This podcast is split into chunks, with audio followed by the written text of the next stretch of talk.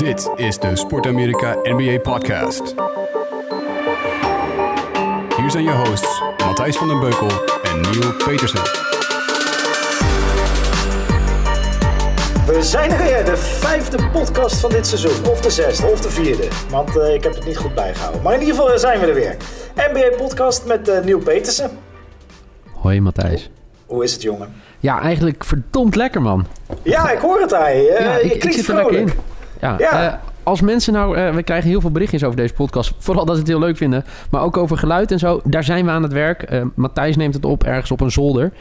En Ja. ik, ik in, in onze studio. Dus we werken er hard aan. Maar dank voor alle ook mensen die dan meeleven en dan dingen tegen ons zeggen erover. Het wordt Bezorgde reacties. Ja. Ja, zeker. Ehm, ja, laten we maar gewoon eens even beginnen met jou. Want jij bent in een goede bui. Maar ik zag ook een tweetje van jou voorbij komen vanochtend. Ja, Was het vanochtend? Over eh, dat je een goede, goede nacht hebt gehad. ja, guess who is not meer eh, ongeslagen in de NBA? Nou, de Raptors. Wat zeg je? De Raptors zijn niet meer ongeslagen. Ja, en nog wel meer teams niet ongeslagen. De Bucks. Heb je ook de Bucks Ja. verslagen? Jongen! Kijk eens, kijk. We Wat verloren een- namelijk eh, bij de, de Raptors. Voor mij was dat wedstrijd 2 of 3 van de Celtics. Ja. Maar inmiddels eh, is eh, niemand meer ongeslagen in de NBA. Eh, Ja. hè, er zijn de, een aantal ploegen met één nederlaag. Hè, je zei al, de Raptors, de Bucks, de Warriors en de Nuggets. Maar vannacht was het inderdaad in Boston een, eh, ja, een ware titanenstrijd. De laatste keer dat ze elkaar troffen was natuurlijk Game 7 vorig jaar tijdens de playoffs. En nu was het de 117-113 overwinning eh, voor ja, mijn zeer geliefde Boston Celtics. Ja, nou we kunnen gelijk wel even door. Heb, jij, heb je er iets van gezien of niet? Ik heb er alleen wat hoogtepunten gezien. Oké, Eh, wat Matthijs Brugging vraagt. eh, de Bucks hebben hun beste start sinds 1971. 7-0, inmiddels 7-1. Ja. Hij vroeg dit gisteravond. Eh, Toronto is verslagen, Philadelphia is verslagen. Kunnen de Bucks dit seizoen daadwerkelijk een rol van betekenis gaan spelen? Wat denk jij? Oeh. Ja, kijk, eigenlijk moeten we dan eigenlijk teruggaan naar onze ehm, ja, season preview. Hè? Wat we daar hebben gero- eh, eh, eh, geroepen. Ja, En voor mij, toen hebben wij ze niet bij de eerste drie gezet, toch? Nee, nee, nee. nee. We, we hebben het wel gehad over Giannis Antetokounmpo dat hij een... MVP? Een, zeker een kandidaat voor MVP. Ja. En dat hij dit seizoen wellicht zelf ook gaat beseffen hoe ongelooflijk on, onhoudbaar hij is voor tegenstanders. Ja. Ehm, maar eh, eh, ja, en ik wil ook even, even een kleine shout-out doen naar Dante Di, Di Vincenzo. Een Ja. speler van de, de Bucks die eh, gewoon eh, afgelopen nacht tegen jouw team ook weer 24 minuten heeft gespeeld.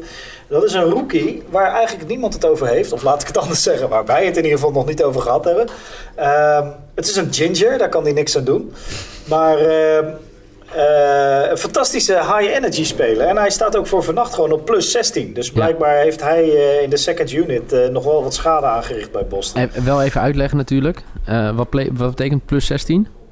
Oh ja, plus-minus eh, van plus 16 betekent dat in de tijd dat hij in het veld stond... eh, eh, netto heeft zijn team toen plus 16 punten gemaakt. Dus eh, stel dat je 40 minuten speelt en je verliest met, met eh, 50-40... dan heb je een plus-minus van min 10 omdat je dan de, al die 40 minuten gespeeld hebt, of 48 minuten. Hij heeft dus in de tijd dat hij speelde, heeft zijn team 16 punten gemaakt meer dan de Boston Celtics. Kijk. Altijd wel, het is een beetje een gevaarlijke stat, want wij hebben bijvoorbeeld bij Heren 2 ook wel eens eh, gebruikt. Maar ja, als je dan een, eh, een, eh, een, wedstrijd hebt waarbij het één kwart heel slecht loopt. eh, of waarbij één kwart eh, de, de beste spelers van de tegenstander naar de kant gaan bijvoorbeeld. Ja, dan vertekent je plus-minus dus. Dus je ziet ook dat eh eh, eh, Dante Vincen- Di Vincenzo dat hij gewoon speelt als in de second unit. Dus die speelt natuurlijk niet tegen, heel veel tegen Jason Tatum en Jalen Brown en eh, Kyrie Irving.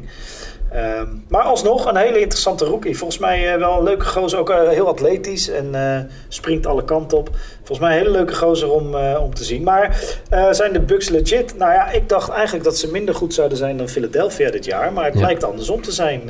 Ja, want ze hebben natuurlijk de Raptors verslagen. En toen deed Leonard niet mee. Dat, Nee. dat, dat speelt natuurlijk ook mee. En ja, ze hebben nu de Celtics gehad. Ja, die winnen ze ook niet. En natuurlijk, hey, het is een, een, een, goede start van het seizoen. Eh, voor mij ook, al- eh, ik heb een beetje naar de statistieken gekeken van de ploeg. Als je vergelijkt met vorig jaar. eh, de offense was vorig jaar vijftiende. over de hele NBA. En nu staan ze in de top 4 of stonden ze in de top 4. En ehm, ze schoten vorig jaar 25 drietjes gemiddeld per wedstrijd. En nu zitten ze op eh 40, eh, weet je. Dus uiteindelijk, weet je, de statistieken wijzen uit dat ze het tot nu toe goed doen. Maar laten we het ook echt even niet gaan overdrijven. Hè? Acht Nee, wedstrijdjes het is een week. Ja, het is een week. Dus, We zijn eh, pas op het tiende. Ehm, ik zie dat, eh, eh, dat de, de Boston Celtics gisteren vannacht wel bijna net zoveel drietjes hebben raakgeschoten als team als Clay Thompson doorgaans in zijn eentje.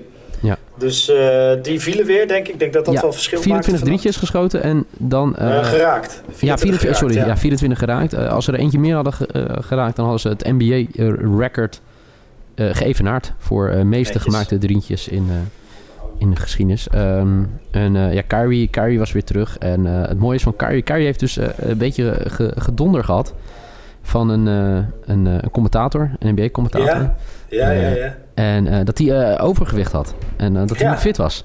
En nou ja, ik dacht, nou, hoe gaat Kyrie daarop reageren? Het- is wel wat als iemand zo over je praat. Ja, als iemand je gewoon dik noemt op, op Ja. nationale televisie. Ja, en het is, het is een man, dus die doet de wedstrijden van Celtics. En zodra je een Celtics tenue aan hebt, kan je eigenlijk niks fout doen in de ogen van deze beste man. Ik moet even, ik moet even zijn, zijn naam op gaan zoeken. Het is een beetje stom dat ik zijn naam niet heb. Maar goed, ehm eh, Kyrie ging er dus de antwoord op geven. En tot mijn verbazing zei Kyrie, nou, hij heeft helemaal gelijk. Oh, echt? Ja, het ging over Hall Famer Tommy Heinsohn. Oh, Tommy Heinsohn. Ja, dat Ja. is al een eh, legendarische eh, Ja. speler inderdaad. En eh, hij zei, it was the truth. I had to get better in shape. I had to become more dedicated to what I was doing. I was on the bike the next morning doing everything possible to prepare my body.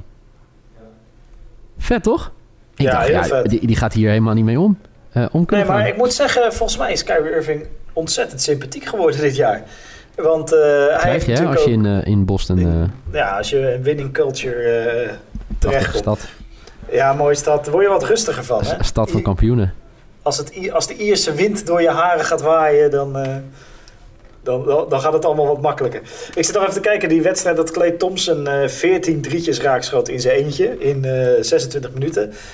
Toen schoten de Golden State Warriors schoten ook 24 drietjes raak. Ze hadden daar alleen, eh, waar Boston er vannacht 45 pogingen voor nodig had, had de Golden State er slechts 45 pogingen voor nodig. Maar goed, even, dat wou ik even tussendoor nog eh, even, moest even daar- meegeven aan het publiek. Ik moest daar wel heel erg om lachen. Wanneer was dat? Was het dinsdag of zo?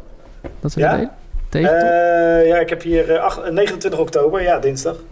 Dinsdag, maandag. Maandag, ja. Want ehm, dat was natuurlijk eigenlijk verschrikkelijk. Want dat doet eigenlijk Golden State de hele tijd. Hè? Die, die geven drie kwarten een beetje gas. Ja. En dan denk je, nou, eh, werk is gedaan voor vandaag. Want ik zag een, eh, een tweet voorbij komen. en, eh, Dat, dat die zei, wat een mooie dag voor Bulls fans. We hebben de Warriors verslagen in het vierde kwart. ja, dat klopt. Want ik zie wat wisselspelers die dus een plus-minus hebben. Nou, daar heb je het voorbeeld. Er staan eh Quinn Cook en Jacob Evans hebben een plus-minus van min 16 en min 19 voor die wedstrijd. En die hebben dus dat vierde kwart gespeeld. Ja.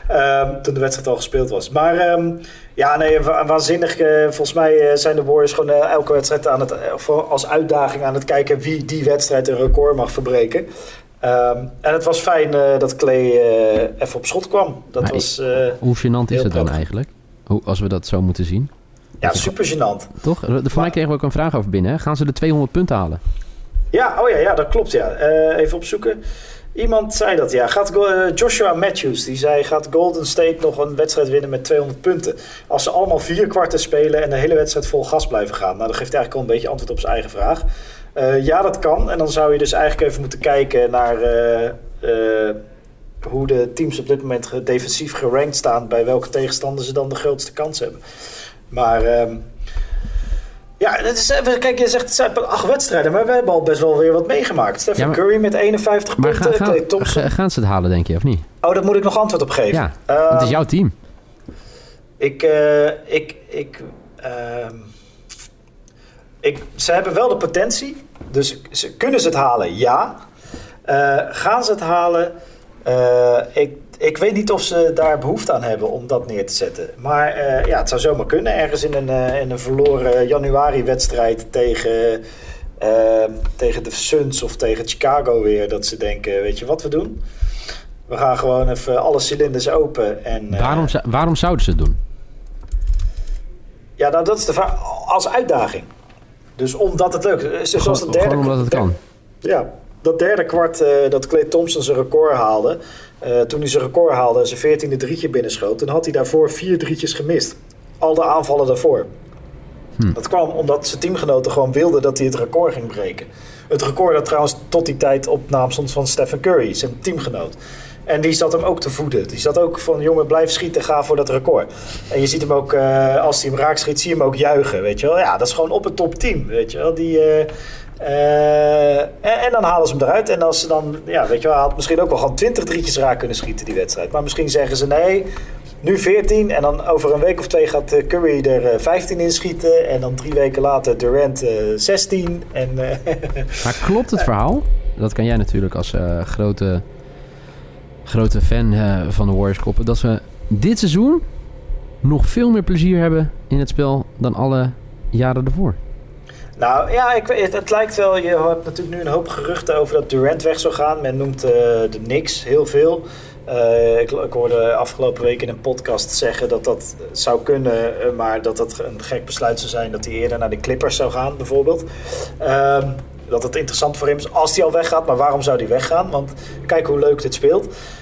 Vanochtend las ik nog een quote van Steve Kerr dat ze weten dat ze de Marcus Cousins maar voor één jaar hebben en hem gaan helpen aan een gigantisch contract. Dus eh, die komt blijkbaar binnenkort terug. Dan gaat hij spelen en dan speelt hij de sterren weer van de hemel, omdat hij in een veilige plezieromgeving zit. En eh, dan, kan, dan krijgt hij volgend jaar weer van een ander team een gigantisch contract. En dat vinden de Warriors helemaal mooi. Ja, dat, zijn het, dat is het niveau waar ze nu dus mee bezig zijn. Dat je gewoon een topcenter hebt en dat je niet denkt die moeten we behouden. Maar dat je denkt, nou ja, het is toch leuk als wij hem gewoon eh, kunnen zorgen dat hij een vet contract bij een ander team gaat krijgen het jaar daarna. Eh, en ik denk, ja, ik, ze hebben veel plezier. Ik denk dat Curry eh, zin heeft om MVP te worden. En dat hij ook gewoon eh, ja, een van zijn laatste piekjaren heeft op dit moment. Niet dat het veel minder wordt de komende jaren, maar... Ja, Gaat hij trouwens absoluut- het driepunten record pakken van Clay terug? Ja, ik denk dat ze daar. eh, dat is toch bij. Dat is toch. Als jij, als jij met je team een keer te laag bent ingedeeld op de voetbal. En eh, dan, dan wordt het toch ook een onderling, een soort een leuke onderlinge strijd wie de meeste doelpunten erin kan schieten. Ik Ja. weet niet of je dit ooit meegemaakt hebt. Ja, maar dat wordt dan toch een soort dingetje zo van... Ah, je had er vijf, super dik. Nou, en dan de volgende wedstrijd probeer je het een ander de 60 in te schieten. En dat geldt voor die drie punten denk ik ook. eh. Ja. Ja, ik snap wel wat je bedoelt. Ja. Het is eigenlijk, eh, hoe meer we het erover hebben, hoe gênant het eigenlijk wordt. Dat we het wel hebben over de beste basketbalcompetitie ter wereld. En dat Ja. onderling zit te zeggen... hey, eh, leuk dat jij nu het, eh, het record hebt voor drie punten schieten. Dat ga ik van je afpakken vandaag, want we spelen tegen die. En ik zie vandaag wel genoeg mogelijkheden. Ja, ik, ik zit even op te zoeken. De, de highest scoring regular season game in de NBA ooit is een wedstrijd uit 1983, triple overtime. Tussen de Pistons en de Nuggets toen. En dat werd 186-184. Ehm Die gaat, Eh, eh, da- dat is, dan zitten we dus op de 350 punten. Dat gaat een beetje lastig worden, alhoewel. dat ik is het eh, grote, 370 punten. Dat is het 370. grootste, grootste, tot, eh, grootste gecombineerde puntenaantal in een NBA-wedstrijd ooit. Nou, dat zal dan denk ik niet gaan gebeuren dit jaar. Maar eh, eh, de highest scoring regular season game eh, vond plaats tussen de Golden State Warriors en de Denver Nuggets in 1990. Dus zonder overtime. Oké, En toen werd het 162-158. dat is dus 320 punten. Eh, ja, om en nabij. Dus eh, ja, ja, nee, niet om en nabij. Het is precies 320 punten. Eh, Goed. Eh, Eh, dus we- wellicht, ja, wellicht, wellicht. Dus eh, het zou mooi zijn als ze dat record in een reguliere wedstrijd kunnen verrichten. Laten we ook even, want we gaan zo hard mee, maar Stephen Curry had 50 punten, Clay ja, Thompson had maar de enige man 52 waar het om ging natuurlijk die 50 Maar punten. deze week, oh, die tranen. Derrick Rose, wat vond je ervan? Hoe heb je het beleefd? Nou, ik moest terugdenken aan het begin van Sport Amerika. Wij zijn Ja. in het begin van mij 2011 begonnen. En ehm, toen werd er een fantastisch filmpje gemaakt met eh, de muziek van... eh, ik weet niet hoe de artiest tegenwoordig heet. P. Diddy van mij in die tijd. Mhm. I'm Coming Home. En eh het was een fantastisch filmpje over Derrick Rose, al die hoogtepunten en dat soort dingen. En daar moest ik aan denken, want voor mij werd hij in 2011 MVP. Eh, 2013 geloof ik zelfs. Maar, eh, maar ga door, dan Ja. ik dat even. Oké, nou ik dacht dat het in ieder geval eh, eh, e- e- eerder was, zeg maar, dat hij eh, MVP werd gekozen. Omdat het het begin was van Sport Amerika. En dat ik toen zoveel van Derrick Rose keek. En toen dacht ik, wauw, wat is deze gozer goed zeg. Ongelooflijk goed. En hier gaan we nog jaren gaan we van genieten. Deze man gaat ervoor zorgen dat de Bulls mee gaan draaien om de titel. 2011, je hebt gelijk, ja. En eh, ja, eigenlijk eh, zijn hoogtepunt uit zijn carrière na, naast die MVP-titel is voor mij het goud met Team USA. Of zeg ik dat Mm. misschien nu iets te... Toch? Nee, eh, dat is natuurlijk altijd heel fijn. Ehm, Nee, maar ik bedoel Ik voor de rest. eh, Weet je, de Bulls. Dus dan heb je een MVP in je midden. hij is wereldkampioen geworden. Oh, Eh, 2010. Ja, hij is niet eh, Olympische Spelen, heeft hij nooit gedaan. Eh, oh nee, nee, nee, klopt. Ja, hij is wereldkampioen geworden. Ja, ja, ja. twee keer jaar toch? zelfs? voordat hij MVP werd. 2010 en Eh, 2014 voor mij, toch? In Spanje ja, nog. ja, Ja. ja, ja. Maar goed, weet je, dus ik, ik had het dus eigenlijk het idee, dan heb je een MVP in je midden. En dat je wel, eh, ja, uiteindelijk er wel voor gaat, eh, uiteindelijk om die NBA playoffs te halen. Nou, die hou je dan. En uiteindelijk ook de, zeg maar, de NBA finals te halen. En ja, uiteindelijk hebben zij natuurlijk de pech gehad dat de ene LeBron James ook in die conference eh, destijds speelde. Ja, ja, ja. Dus eh, ja, het viel eigenlijk eh, een, beetje, een beetje tegen. Daarna is hij nog natuurlijk geblesseerd geraakt. Heel erg. Ja. ja, ja, hij heeft een heel seizoen gemist, weer teruggekeerd. Nou, ook weer teruggekeerd in de playoffs en zo. En uiteindelijk het jaar van mij 2016, zijn laatste jaar. En daarna ja, ging hij naar niks, Cavs. Ja, dat was eigenlijk allemaal helemaal niks. Nee. Toch? Nee, nee, nee, nee, dat is helemaal niks. En eh, hij is eh, allebei zijn meniscussen, menisci, Ja. menisca zijn geblesseerd geweest. En ehm, eh, ik zie hier zijn blessurelijst. Ja, 20 Weet, weet je wat mij het meest opviel van die 50 punten? Nou, De reacties na afloop. dat iedereen zo blij voor Oh was. mijn god, dit was toch niet normaal? Ja, dat was heel Gewoon mooi. iedereen Jim- die in de NBA basketbalt, die heeft bijna een reactie achtergelaten. Ja, en mooi, allemaal ja. met zoveel respect voor D-Rose. Ja. Ja, ja, schitterend. Overigens, een kleine, hoe moeten we het noemen, sociaal-culturele side note. Ehm, Oeh, ik ben heel interessant. Ja, nee, ja, ja, nou, er, loopt nog een, eh, Rechtszaak? een, een rechtszaak tegen hem. Van een me- mevrouw die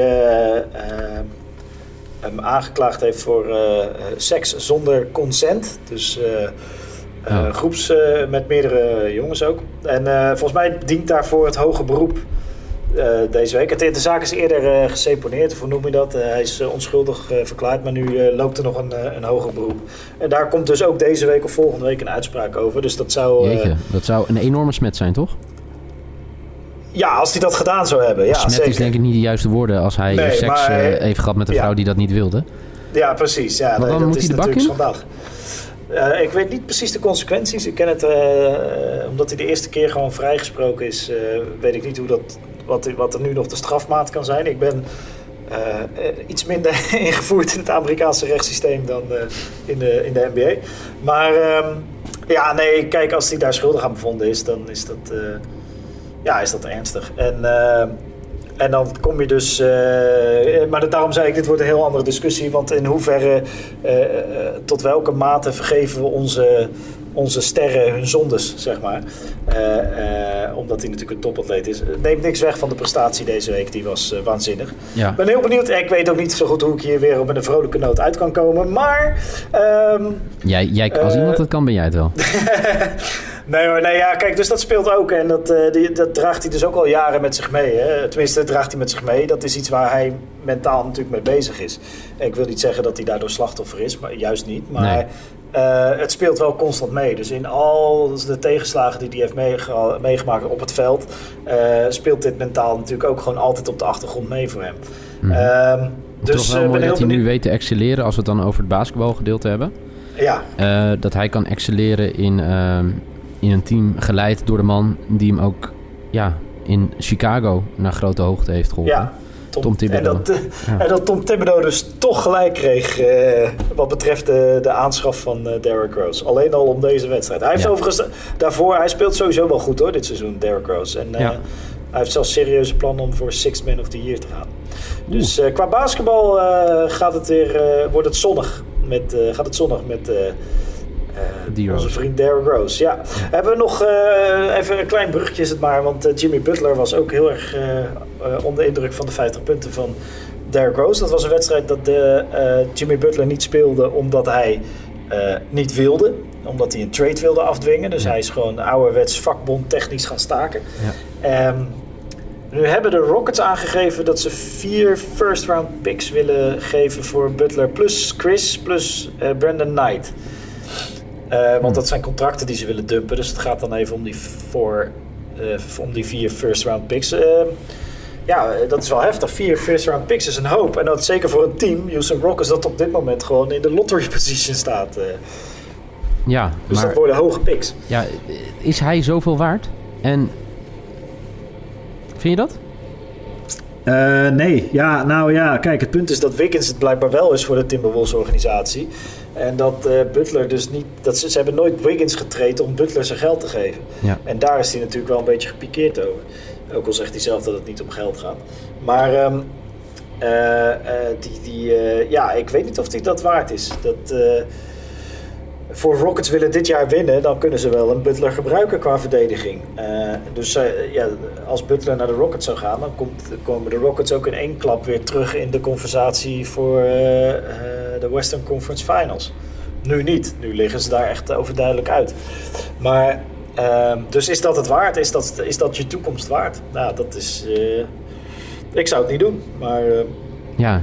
Weet je dat ik trouwens eh, van de week fantastische verhalen eh, ben gaan lezen over waarom Jimmy Butler nu zo doorgeslagen is? Weet je wat Oh, daarvan de reden is? nou, Mark Wahlberg. ja, dat is, eh, dat is, die komt uit Boston, toch? Ja, Ik eh, dacht dat jij, jij zei net aan het begin van de podcast dat eh, van Boston heel relaxed wordt en super sympathiek en vriendelijk. Ja, nou, dat, ik denk dat je... Nou, misschien hebben we hem ooit in de podcast, Mark Wahlberg. Maar Marky Mark eh, schijnt, schijnt het brein te zijn achter de, ook gewoon de, de tirade van Jimmy Butler eerder dit seizoen. Toen Jimmy Butler weer voor het eerst mee ging trainen. Dat, hij schijnt Oh, ach- echt, achter alles te zitten, zeg maar. hoe je als ster moet gedragen. Er gaan verhalen terug dat ze elkaar voor het eerst hebben ontmoet in 2013 in Chicago. En eh, ja, de, de mensen rondom de Bulls zeiden toen al... eh, hè, Jimmy Butler, heel nederig, heel humble hoe hij binnenkwam. Nou, dat veranderde helemaal op het moment dat hij met Mark Wahlberg omging. Want eh, eh, ze, ze, ze, ze, ze zeiden ook, zeg maar... The feeling in Chicago was that Butler's game stopped growing three, four years ago... as his head grew even larger. Kortom, Oh, eh, eh, hij is nu een ster, in ieder geval in zijn gedrag... maar nog niet Ja. in het spel. En dat komt omdat hij alleen maar met eh Marky Mark aan het chillen is... en dat hij hem ook advies geeft. Dat is wel zonde, want eh, ik weet nog dat Jimmy Butler toen hij een beetje op punt van doorbreken stond. Dat, eh, hij had een fantastisch verhaal, tenminste hij heeft helemaal geen fantastisch verhaal. Hij heeft een heel tragisch verhaal. Hij is dakloos geweest en heeft het zwaar gehad, komt van de straat en vond in basketbal zijn... nou ja, dit is een redelijk bekend verhaal, stramien in de verhalen van de NBA. Maar ehm, echt dakloos, van dakloos naar NBA-ster. Ja. En dan wordt het dus verpest door zo'n eh, PR-klojo van een Mark Wahlberg. Ja. Was het laatste, wat is het laatste goede wat Mark Wahlberg gedaan heeft dan? Vraag ik me af. Eh, weggaan bij de Super Bowl van de New England Patriots tegen Atlanta. Bij 28-3 liep hij het stadion uit. Uiteindelijk wonnen de Patriots nog de Super Bowl. En toen kreeg hij alles over zich heen. Dus waarom, waarom neem je advies aan van zo'n man? Waarom neem je daar advies van aan? Ik ga eens even opzoeken wat zijn laatste film is. Hij is ook geboren in Boston. Dus eh, Ja. De, de, je hele theorie is naar... eh, ja, Boston een grote stad. Nee, daar, kijk, Marky Mark heeft wel de absolute top gehaald, hè? Zo kan je het ook zien. Maar goed, eh, Ja. er zijn sympathiekere mensen dan oh ja, de, de film Ted. Ja, dat oké. En Ted 2 Ted, natuurlijk eh, niet vergeten. ja, en Ted 2. de allerbeste film die ooit in Boston is gemaakt. Mark Wahlberg ook een grote rol. The Departed. Doen we gewoon even in die NBA-podcast. Gewoon even een film, filmtip. The Departed. Ga kijken. Je hebt hem dus ook niet gezien. Gezien je reactie. Eh. Ja, wel, maar ja, ik heb hem wel gezien. Maar ik vraag me af of... eh, Oh ja, wel. Nee, ik vroeg me even af of Mark Wahlberg in de Departed zat. Maar ik, Nou ja. zit, Twijfel je Ja, nou nee, aan mijn hey, filmkennis en mijn film- Boston-kennis? de, de- ik heb deze film ooit één keer eh, gezien, hè? dus dat is lang geleden, 2009. Toen, eh, ja, zie je, ik zat dan. oh ja, Leonardo DiCaprio, Matt Ja. Damon, Jack Nicholson, Jack Mark Nicholson. Wahlberg. Ja, jongen. Wat? Ja, die Jack Nicholson wist ik nog en, en DiCaprio ook. Maar De ratten bij de politie. Wahlberg niet meer. Ja, Maar mooi, mooi. Goeie filmtip. Dank je. Eh, maar dat is voor een andere podcast. Ja. Volgens mij. eh, ehm, eh, ja, hebben we de. eh, We hebben nog niet alle vragen hoor. Nee? Nee, voor mij niet. Ik ga even kijken. Dit is ook zo prima goed voorbereid. Ja, dit is uitstekend. Nou ja, we hebben het nog niet... Oh ja, J.R. Smith wil weg bij, zegt Ja, Lars ik wil Leefting. dat aan jou vragen. Heb jij wel eens... zit er een boeteclausule in jouw contract als jij op Twitter zegt dat je weg wil bij je werk? Ehm, nou, meer een sociale boete, denk ik. Ik denk dat het niet heel erg vriendelijk wordt aangekeken hier. Maar er zit volgens mij geen... eh, nee. Maar dat verbaast me ook een beetje. Want waarom mag eh, Butler gillen dat hij weg wil... en eh, dan krijgt J.R. Smith meteen een boete? Ja. Eh, of hebben ze die clausule in zijn contract gezet... omdat ze Nee, dit een want het beetje is vanuit de spelersvakbond of zo. Dat las ik in ieder geval over. En ehm, het is natuurlijk wel gek van Jimmy Butler, ja. Want hij heeft Jimmy Butler... Ja, die vraagt ook eigenlijk alleen maar om een trade. Goeie vraag. Misschien kan iemand eh, die deze podcast luistert... Matthijs en Niel helpen om hem eh, op te Ja, lossen. geef eens antwoord op die vraag. Waarom, of misschien heeft Jimmy Butler, Butler die boete ook wel gehad... maar wordt daar dan weer niet over geschreven. Hmm, ik, eh, Eh, ik, ik vind het interessant. Maar J.R. Smith, ja, komt eigenlijk niet voor in de plannen, zo kunnen we het zeggen. Nee. Van de Cavs. Over de Cavs, die... De vraag is komt hij dan wel voor in de plannen van de Lakers straks? Moet je je voorstellen dat je daar nog J.R. Smith bij doet? Jeetje, bij de Lakers. J.R. Smith. Ja, ja, prima. Want ze willen af van eh, J.R. Smith en wie nog meer willen ze af? Nou, J.R. Smith wil af van zichzelf bij de Lakers, of bij de Cavaliers. Eh Tyron Lue is ontslagen natuurlijk. En de mogelijke opvolger eh, die wil meer geld voor zijn werk, of in ieder geval meer zekerheid. Eh, Larry Drew die wil eh, Ja. zeker weten dat hij na dit jaar ook nog een contract heeft daar. Maar eh, kortom, dat is een en al organisatorische chaos eh, in het vacuüm van LeBron James daar. Kevin Love geblesseerd geraakt. Ja, die zit er Eh, lange ze moeten het nu hebben. De beste spelers van het team zijn op dit moment eh, Jordan Clarkson, Larry Nance Jr. en ehm, eh, hoe heet hij? Robin, eh, niet Robin Hood. hoe heet hij? Heet hij nou eigen Robin Hood? Ik vergeet zijn naam elke keer. Rodney, Rodney Hood. Ja. Ehm, Bijnaam Robin. Nee, bijna Robin bij deze. Eh, ja, dus dat, dat, dat is zeg maar wat vorig jaar niks deed bij de Lakers. Die ze toen getrade hebben voor...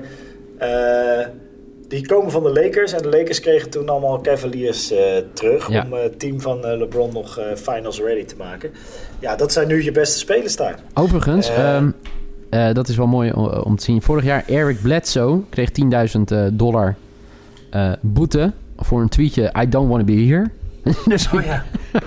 Ik denk Daarvan dat... zei, dat weet ik nog, want daarvan zei hij later, want het was bij de Suns. En daarvan zei hij later dat Ja. hij het had over de ice cream, eh, de, de ijsjeszaak waar hij was met zijn vriendin. Zodat hij die boete niet hoefde te betalen. Eigenlijk is dat nog veel beter hè, dan eh, zeg maar eh, de tweet zelf, het verhaal achter de tweet en dan de leugen om die tweet weer te, af te doen als ja, nee, maar ik bedoelde helemaal niet dat ik weg wilde. Ja, dat zijn fantastisch. Nee. Ja. ja, kijk, en als je dan zegt, hé, they don't want me here, so eh, eh, eh, ik, ik wil ergens anders spelen. Ja, dat kan je moeilijk uitleggen van ergens anders. Oh nee, ik had het over het kinderspeelparadijs met mijn kinderen. Ja, ja, ja, ja. Tuurlijk, jongen. Overigens, ja, als je de geruchten mag geloven, J.R. Smith en guard Kyle Korver, die ook weg moeten bij de Cavs. En die ze weg willen treden. En het is natuurlijk heel triest hè, voor de Cavs. Vorig jaar natuurlijk nog gespeeld om de NBA-titel, zoals je net al zei. Een grote ster. Kevin Love geblesseerd, die is een langere tijd uit. Eh, de trainer staat op, straat, staat, staat op straat. Kortom, leuk om eh, fan te zijn nu van de Cavs. Ja, het is eh, chaos. Ik had ehm, eh, over chaos gesproken.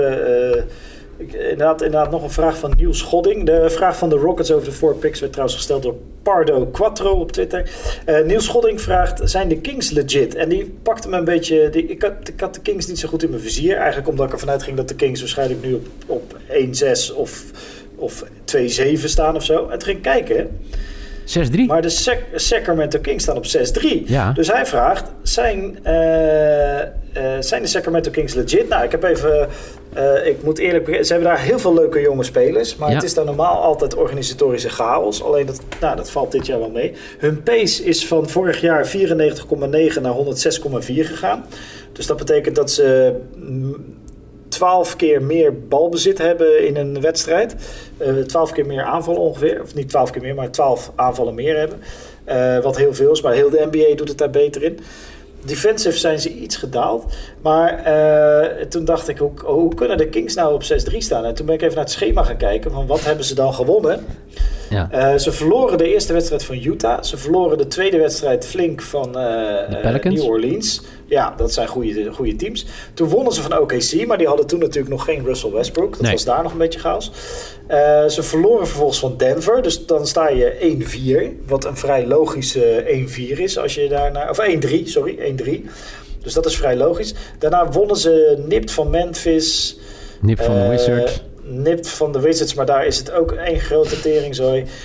Toen wonnen ze van Miami. Nou, die komen ook in steeds zwaarder vaarwater. Eh, ze wonnen van Orlando. Dat is volgens mij al tien jaar geen goed. Dat is een soort Sacramento Kings van het, eh, van het oosten. En ze wonnen uiteindelijk vrij flink van Atlanta. En dat is misschien wel op dit moment het slechtste team van de NBA. Dus de afgelopen vijf winstwedstrijden... waardoor ze uiteindelijk op 6-3 komen ja, het zijn nou niet de meest indrukwekkende tegenstanders. Dus nee, maar ik ben vooral heb je gezien tegen wie ze zondag moeten? De Milwaukee Bucks. Dus dat lijkt mij, dat ging ik inderdaad, dat heb jij inderdaad goed gezien. Dat, uh, uh, dat wordt een soort testcase, denk ik. En uh, het is een beetje afhankelijk hoe ze daar presteren. Hoe, hoe, ja, of, of ze daar serieus. De, vlak daarna, want ze gaan blijkbaar op een. een de, de, een paar dagen later spelen ze tegen Toronto. Mm -hmm. En dan komt er even Minnesota. En de Lakers, dus dan, dan uh, maken ze het zichzelf weer wat makkelijker. Maar de volgende twee wedstrijden tegen de powerhouses of the East. Uh, dat is eigenlijk mijn antwoord aan Niels Schodding. Check even hoe ze, de, uh, hoe ze het doen tegen de Bucks en de Raptors. En dan kun je heel goed zien hoe ze zich verhou verhouden tot sterke teams in de NBA. Winnen ze er daar één van of wordt het twee keer heel spannend bijvoorbeeld? Nou ja, dan kun je zeggen dat Sacramento zeker mee gaat doen om net niet de playoffs te halen in het Westen. Ehm, maar ik denk dat dit vooral schedule is. En niet, niet zozeer dat de Kings ineens ontzettend goed zijn geworden. Ja, inderdaad. Um, hoe gaat het met jouw weddenschap?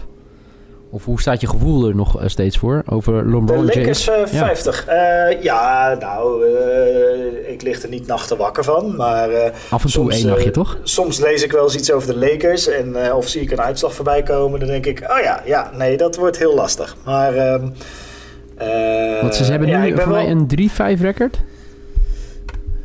Uh, ja, zo, zoiets. Ja, 3-5. Dus te, laten we zeggen dat er nog tijd genoeg is om het uh, te herstellen. Maar, uh, ik zit nu te kijken naar hoeveel wedstrijden ze gaan winnen. 2. 1, 2. Even kijken. Ze hebben 2-5. Dus ze hebben gewonnen van Phoenix. Nou, die moet je ook winnen. En gewonnen van Denver. Dat is een knappe overwinning. Nee, het is 3-5. Ze hebben weer... vannacht gewonnen, toch? Oh, sorry. Ja, van die, de ja, sorry. Nee, 3-5. Nee, dan, uh, en dat is dan wel weer een mooie overwinning. Maar 50 wordt wel... Uh... Ja, want ze zitten nu op een uh, gemiddelde van 0.375 om wedstrijden te winnen. Dan noemen we natuurlijk de rekensommetje 82 keer 0.375. En dan kom je uit op 30.75 wedstrijden winnen. Of, oftewel okay. 31. Ja, dat is geen 50, hè? Nee, dat is. Uh, dat nee, inderdaad. Maar uh, er gebeurt in ieder geval genoeg altijd met LeBron James. Ik zag gisteren dat er maar, allemaal weer gedonder was. Ja, dat, uh, joh, de, de, spotlight staat op dat team en er gaat natuurlijk van alles gebeuren. Maar ik blijf erbij dat ze ergens de, vanaf volgens mij 11 of 12 december mogen ze die, het meme-team gaan traden. Dus alle nieuwe contracten gaan traden. Michael Beasley, Caldwell Pope. Uh, Rondo, al die gasten mogen vanaf, de, vanaf 11 of 12 december of 15 december, ergens half december, mogen getrade gaan worden. En ik denk dat de Lakers dan nog wel met, uh, met een grote trade komen, waardoor ze, nou ja, 50 wordt misschien wel lastig tegen dat, uh, tegen dat punt, maar waardoor ze wel gewoon de playoffs gaan halen. En ik zeg afgerond naar boven gaan ze nog steeds gewoon de 50 halen. Ja, heel goed. mooi, Luca Doncic speelde tegen LeBron James. En, uh, ja, die was heel blij. Luka Doncic is gewoon eigenlijk uh, Matthijs van de Beukel en Neil Petersen. Alleen die wel goed kan basketballen. Heel goed kan basketballen, excuus Matthijs. Ja, ja, ja. ja, uh, maar hij stond dus tegenover LeBron James. En dan gaat het dus eigenlijk hoe wij dan tegen LeBron James zouden staan. Mag ik na afloop je tenue hebben? En hij heeft hem gekregen. Hij heeft de jersey gekregen van LeBron James. En LeBron James heeft ook het ondertekend Strive for Greatness. Mooi. Vind ik wel een mooi verhaal. Ja, heel veel mensen kunnen zeggen, ja, je bent topsporter. Zo kan je toch niet. Maar ik vind, uh, als je tegen LeBron James... is jarenlang je idool geweest... kan het heus wel in je eerste wedstrijd tegen hem, toch? Tuurlijk. Dan mag je fanboyen, vind ik. Dank je. Mooi. We denken weer hetzelfde. Ja, heerlijk hè? Zeker. Maar, ja. Overigens, we hebben weer een bijdrage vandaag hè? Ja, vertel, want dit wordt heel leuk. Ja, nou, dit is uh, eigenlijk al aangekondigd in uh, onze eerdere podcast. Uh, Remco Rinkema, onze grote vriend, die op dit moment in Toronto woont niet op dit moment hoor. Hij, uh, hij woont er al een paar jaar. Is uh, misschien wel de bekendste podcast-host op het gebied van poker in Amerika. Uh, dus dat is heel mooi. Maar daarnaast is hij heel groot Raptors-fan. En ja, in de afgelopen jaren liep hij me natuurlijk uit te lachen tegen het gedurende het reguliere seizoen. En toen zei ik tegen hem, jongen, jongen, reguliere seizoen, daar gaat het niet om. Het gaat om de playoffs. Nou ja, playoffs en de Toronto Raptors. Het is niet echt een, een heel goed huwelijk. Maar, zo zei Remco, hè, nieuwe, nieuwe tijden zijn aangebroken. Nieuwe spelers. Eh, de coach of the year is natuurlijk al niet meer. En eh, ja, als we naar Remco mo- mogen gaan luisteren, dat, we, dat gaan we zo doen. Maar eh, de boodschap eigenlijk van Remco is... het gaat een heel, heel, heel mooi jaar worden voor de Raptors.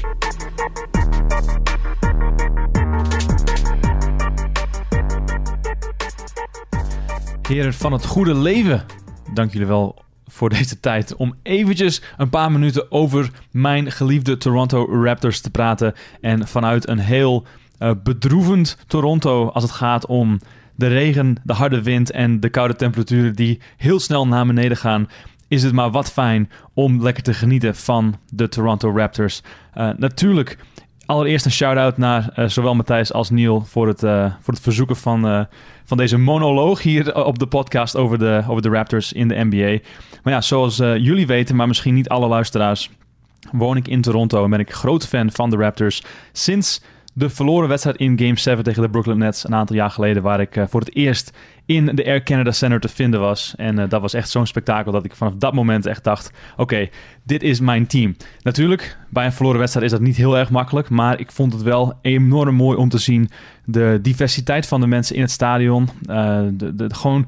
Ja, het, is een hele andere sfeer dan andere NBA-wedstrijden waar ik bij geweest ben in Amerika. Uh, Toronto, Canada is gewoon heel anders. En de beleving van de mensen hier is gewoon iets wat je echt uh, een keer moet meemaken om te zien hoe anders het is. Um, als je naar de Maple Leafs gaat, dan zie je vooral lokale blanke mensen in het stadion. Maar de Toronto Raptors hebben mensen van over de hele wereld die ze supporten. En dat maakt het team zo mooi. Dus vandaar dat ik begin een beetje met deze aansporing uh, tot het worden van fan van de Raptors als Nederlanders zijnde. Want natuurlijk, de tijdzone is enorm lastig om wedstrijden mee te pikken in de NBA. Maar als je dan toch moet kiezen, probeer dan een keer uh, de Raptors te kijken. Want natuurlijk zijn we enorm sterk begonnen aan dit seizoen. En dat maakt het allemaal een stuk fijner om naar te kijken.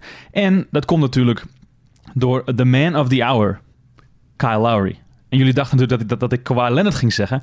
Maar het gaat natuurlijk allemaal om Kyle Lowry. Want als je er even bij stilstaat dat Lowry al meer dan zes jaar voor de Raptors speelt. Hij was natuurlijk beste vrienden met DeMar DeRozan, die naar de San Antonio Spurs getra getraind is. Um, was het deze zomer echt, echt afwachten of Lowry helemaal committed zou zijn? Uh, in, in de pers heel veel aandacht voor uh, de manier waarop hij met mensen praat, de manier waarop hij met mensen omgaat. En er waren een aantal mensen heel ongerust over het feit dat de DeRozan trade een negatieve impact zou hebben op Lowry. Nou, we hebben vanaf de eerste wedstrijd hebben we gezien dat het totaal niet het geval is. Lowry heeft natuurlijk ook in de gaten dat het spelen naast iemand als Kawhi een enorme impact heeft op zijn kansen om de NBA Finals te bereiken. En vandaar dat ik nu zo hyped up ben over de kansen om het dit jaar te doen om de Finals te bereiken. We weten natuurlijk allemaal dat de Golden State Warriors al met een anderhalf been uh, bij die Larry O'Brien Trophy in de buurt staan. Maar ja, als er dan nog een kans is om een keer die finals te halen, dan is het echt wel dit jaar. Ik ga me niet druk maken over Kyle, over, over, over Kawhi Leonard, of hij blijft of hij gaat aan het einde van het seizoen. En ik ga me ook niet druk maken, Neil, of we de, de Celtics kunnen verslaan in de playoffs. Want ik kijk namelijk naar basketbal om van de sport te genieten en om elke wedstrijd ook al spelen we tegen de Lakers of de Cavaliers zonder LeBron of de Orlando Magic of zelfs tegen de Golden State Warriors. Ik wil gewoon van elke wedstrijd genieten. Dus elke overwinning die we halen, en we hebben er nu zeven, daar ga ik van genieten.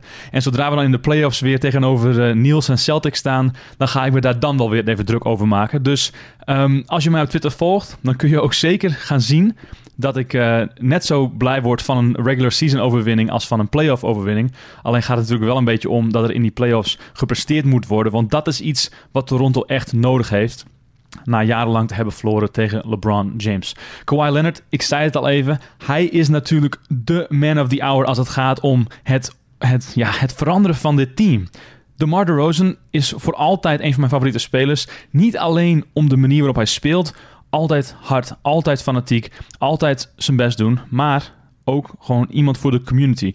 Als je ziet wat hij doet voor de mensen in de stad, als je ziet hoe hij gewoon echt het land en, en de stad omhelst heeft en nog steeds echt een icoon is hier als je over straat loopt, je ziet enorm veel DeMar DeRozan jerseys, dan kun je gewoon niks anders zeggen dan dat hij echt een franchise icon is. En ik kan ook alleen maar denken dat hij uiteindelijk wel een keertje weer terugkomt bij de Raptors. Maar hij is geen Kawhi Leonard. De trade die we gemaakt hebben met de Spurs heeft de franchise voor altijd veranderd. We hebben nu Kawhi Leonard en Danny Green in plaats van DeMar DeRozan en Jacob, Jacob Pertl. Wat natuurlijk een gigantische upgrade is als je kijkt naar het spel van Kawhi Leonard.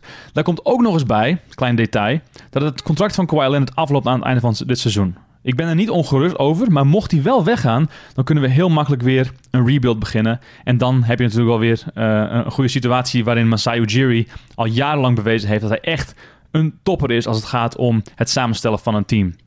Uh, dit team had er eigenlijk helemaal niet moeten zijn. Uh, tegen de tijd van de Rudy Gay trade naar de Sacramento Kings was het de bedoeling om te tanken voor Andrew Wiggins. Nou ja, dat ging natuurlijk helemaal anders toen Kyle Lowry ineens een basisplaats kreeg en het hele team uh, op een enorme heater terecht kwam en toen ook nog de playoffs haalde en het heel erg goed deed. Dat was ook het jaar dat ik voor het eerst uh, de Raptors echt fulltime gevolgd heb. En nu zijn we in een situatie beland waarin Kawhi Leonard met Kyle Lowry en Serge Ibaka en Valanciunas en Danny Green en de jonge mannen die gewoon enorm veel potentie hebben en nu al heel goed spelen, zoals Pascal Siakam en OG Anunoby en Fred Van Vliet, ons gewoon naar de NBA Finals kunnen dragen. Dus ik ga de komende weken, de komende maanden genieten van elke Raptors overwinning. Ik ga me nog niet druk maken over de Celtics van Neil Peterson in de playoffs, want als dat zover is, dan gaan we er gewoon echt een geweldige playoff series van maken. Maar tot dan denk ik dat de Raptors de number one seed in de East gaan halen. Ik denk dat Kawhi Leonard um, een, een, award binnen gaat slepen. Of dat de Defensive Player of the Year is of MVP. Dat laat ik nog even in het midden. Maar ik denk gewoon dat wij als Nederlanders zijn achter de Raptors moeten staan. Als, als outsiders als het gaat om het volgen van de NBA. En ik denk ook gewoon dat het een enorm leuk team is om naar te kijken elke avond. Omdat de rotatie van spelers enorm diep is. Heel veel spelers krijgen een kans. Ja, en we hebben gewoon uh, een hele goede kans om dit jaar de finals te halen. Dus uh, ik ga de podcast in de gaten houden. Ik ga met een kritisch oog luisteren naar jullie uh, comments over de Raptors. en ik zou ook vooral willen zeggen, ga zo door. laten we met z'n allen proberen de NBA meer populair te maken in Nederland dan die momenteel is. Ik weet dat het lastig is, maar als, als, mensen eenmaal hoekt zijn aan deze sport... dan is er in mijn opinie niks beters dan lekker potje basketbal.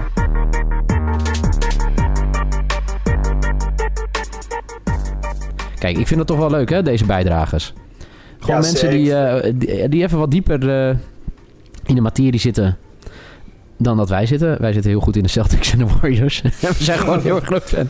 Maar uh, we gaan het steeds vaker hebben, de bijdragers. volgende ja, week leuk. misschien wel weer een andere. Over volgende week gesproken. Volgende week op een nieuwe dag, hè Matthijs?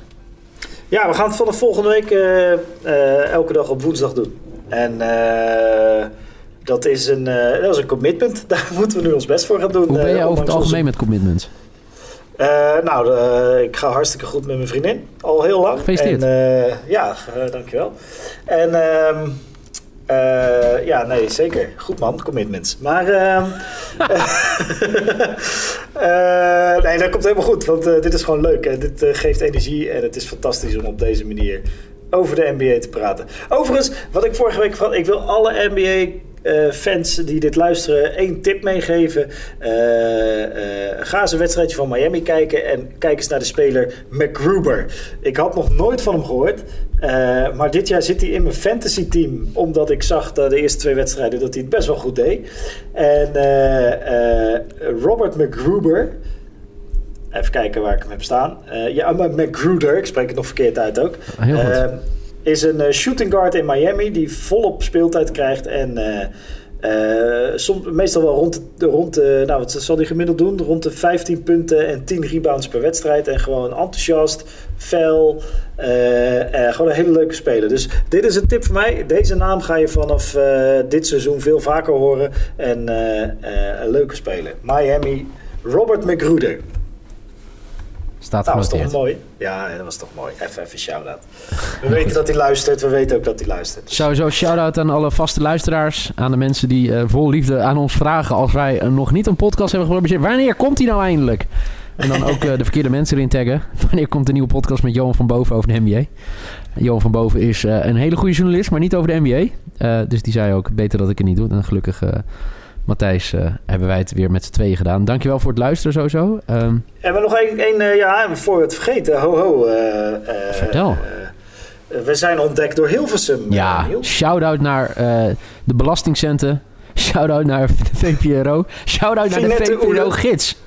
Ja, Finette Oele van de VPRO-gids heeft gewoon een, recent, een hele korte recensie geschreven. Ja. Die ik vol trots naar mijn moeder heb gestuurd. Ik ook. Eh, over de podcast. eh, dat is toch mooi. Ja, kijk, daar doen we het niet voor. Nou, weet je wat ik heel wel- mooi vind? En dit vind ik dus echt heel tof. Wij maken natuurlijk met de SC Afkikken wel meer podcasts. En voetbal is natuurlijk allemaal wat groter. En met Sport Ja. Amerika heb je ook de NFL en de MLB-podcast.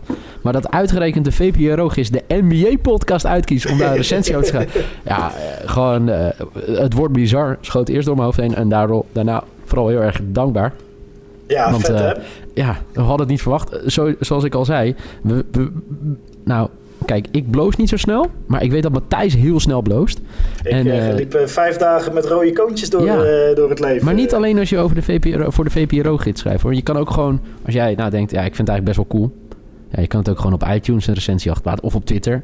En eh, deel, deel het met je vrienden dat je denkt, joh, eh, dit is leuk. Dit is de NBA-podcast. Soms gaat het wel over films. Over rat in, in Boston. Over de Departed. Mark Wahlberg. Kan er zo allemaal bij komen in onze podcast. Fantastisch. Het was weer een, eh, een, een hele vrolijke, leuke uitzending. Zo Omdat er gaan eenmaal een hoop vrolijke, leuke dingen in de NBA gebeuren. De NBA maakt ons werk ook wel erg makkelijk. Zeker. Ehm, en ik heb zin weer. Ik ben benieuwd wat voor gekkigheid we de komende zeven dagen weer mee gaan maken. Inderdaad. In ieder geval bedankt voor het luisteren. Matthij- nou, laatste vraag. Het, eh, NBA, het NBA, het basketbalseizoen is natuurlijk ook voor jou begonnen. Tegen wie moet je dit weekend? Alweer een tijdje, ja. En, dit weekend toevallig vrij, maar we hadden een, een, een winning streak van vier gewonnen wedstrijden. Of vijf zelfs, dat weet ik even niet. Maar de laatste twee zijn verloren gegaan. Eentje Clipper Stars, ja, gewoon een eh, heel goed team, beter dan ons. Eh, we hebben het ze ook niet heel moeilijk gemaakt. En eh, afgelopen zaterdag tegen Blue Drakes uit Woerden helaas het onderspit moeten delven in een thuiswedstrijd. En daar schamen we ons een beetje voor, want daar hadden we het toch minimaal spannend moeten maken. En dat was het niet. Dus een roerig seizoen bij de Western Stars Heren 2. Leuk dat je het vraagt. Heel goed. Er zijn altijd nog kaarten, mocht je een keer willen komen kijken. Matthijs Ja, gaat het volgende week woensdag eh, bekendmaken. Misschien geeft hij wel twee gratis eh, kaarten weg. Eh, dat, eh, dat gaat hij overleggen met de PR-afdeling van de Stars 2. Wellicht. Goed, Top. Niel, ik spreek je Matthijs, volgende tot week volgende week.